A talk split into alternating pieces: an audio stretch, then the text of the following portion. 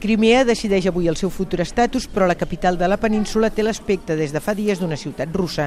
No hi ha res aquí que recordi Ucraïna, ni les forces de l'ordre ni les banderes als edificis oficials, on les de Crimea comparteixen protagonisme amb les de Rússia. Als col·legis electorals de Simferopol, tant al centre com a l'extraradi, només hem trobat opinions favorables a l'annexió. Ну, важно, потому что я думаю, что És нам- important perquè penso que en el futur estarem molt millor. Realment hem estat esperant aquest moment durant molt de Потому temps. что мы действительно ждали этот момент очень э, долго. Потому И что мы русские и хотим... perquè som russos i volem viure a Rússia. нам, для Per нас nosaltres это és molt important. Понимаете?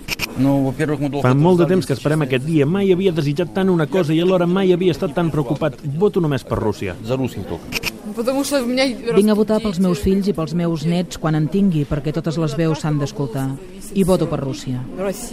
La gran majoria dels que rebutgen l'annexió no van a votar. Pensen que no val la pena perquè el resultat ja s'ha decidit o bé, com en el cas de la comunitat tàtara, boicotegen la consulta. En tot cas, són molts els analistes que creuen que les dues preguntes de la papereta porten al mateix camí, l'annexió. L'única diferència és que el camí per arribar-hi serà més o menys llarg.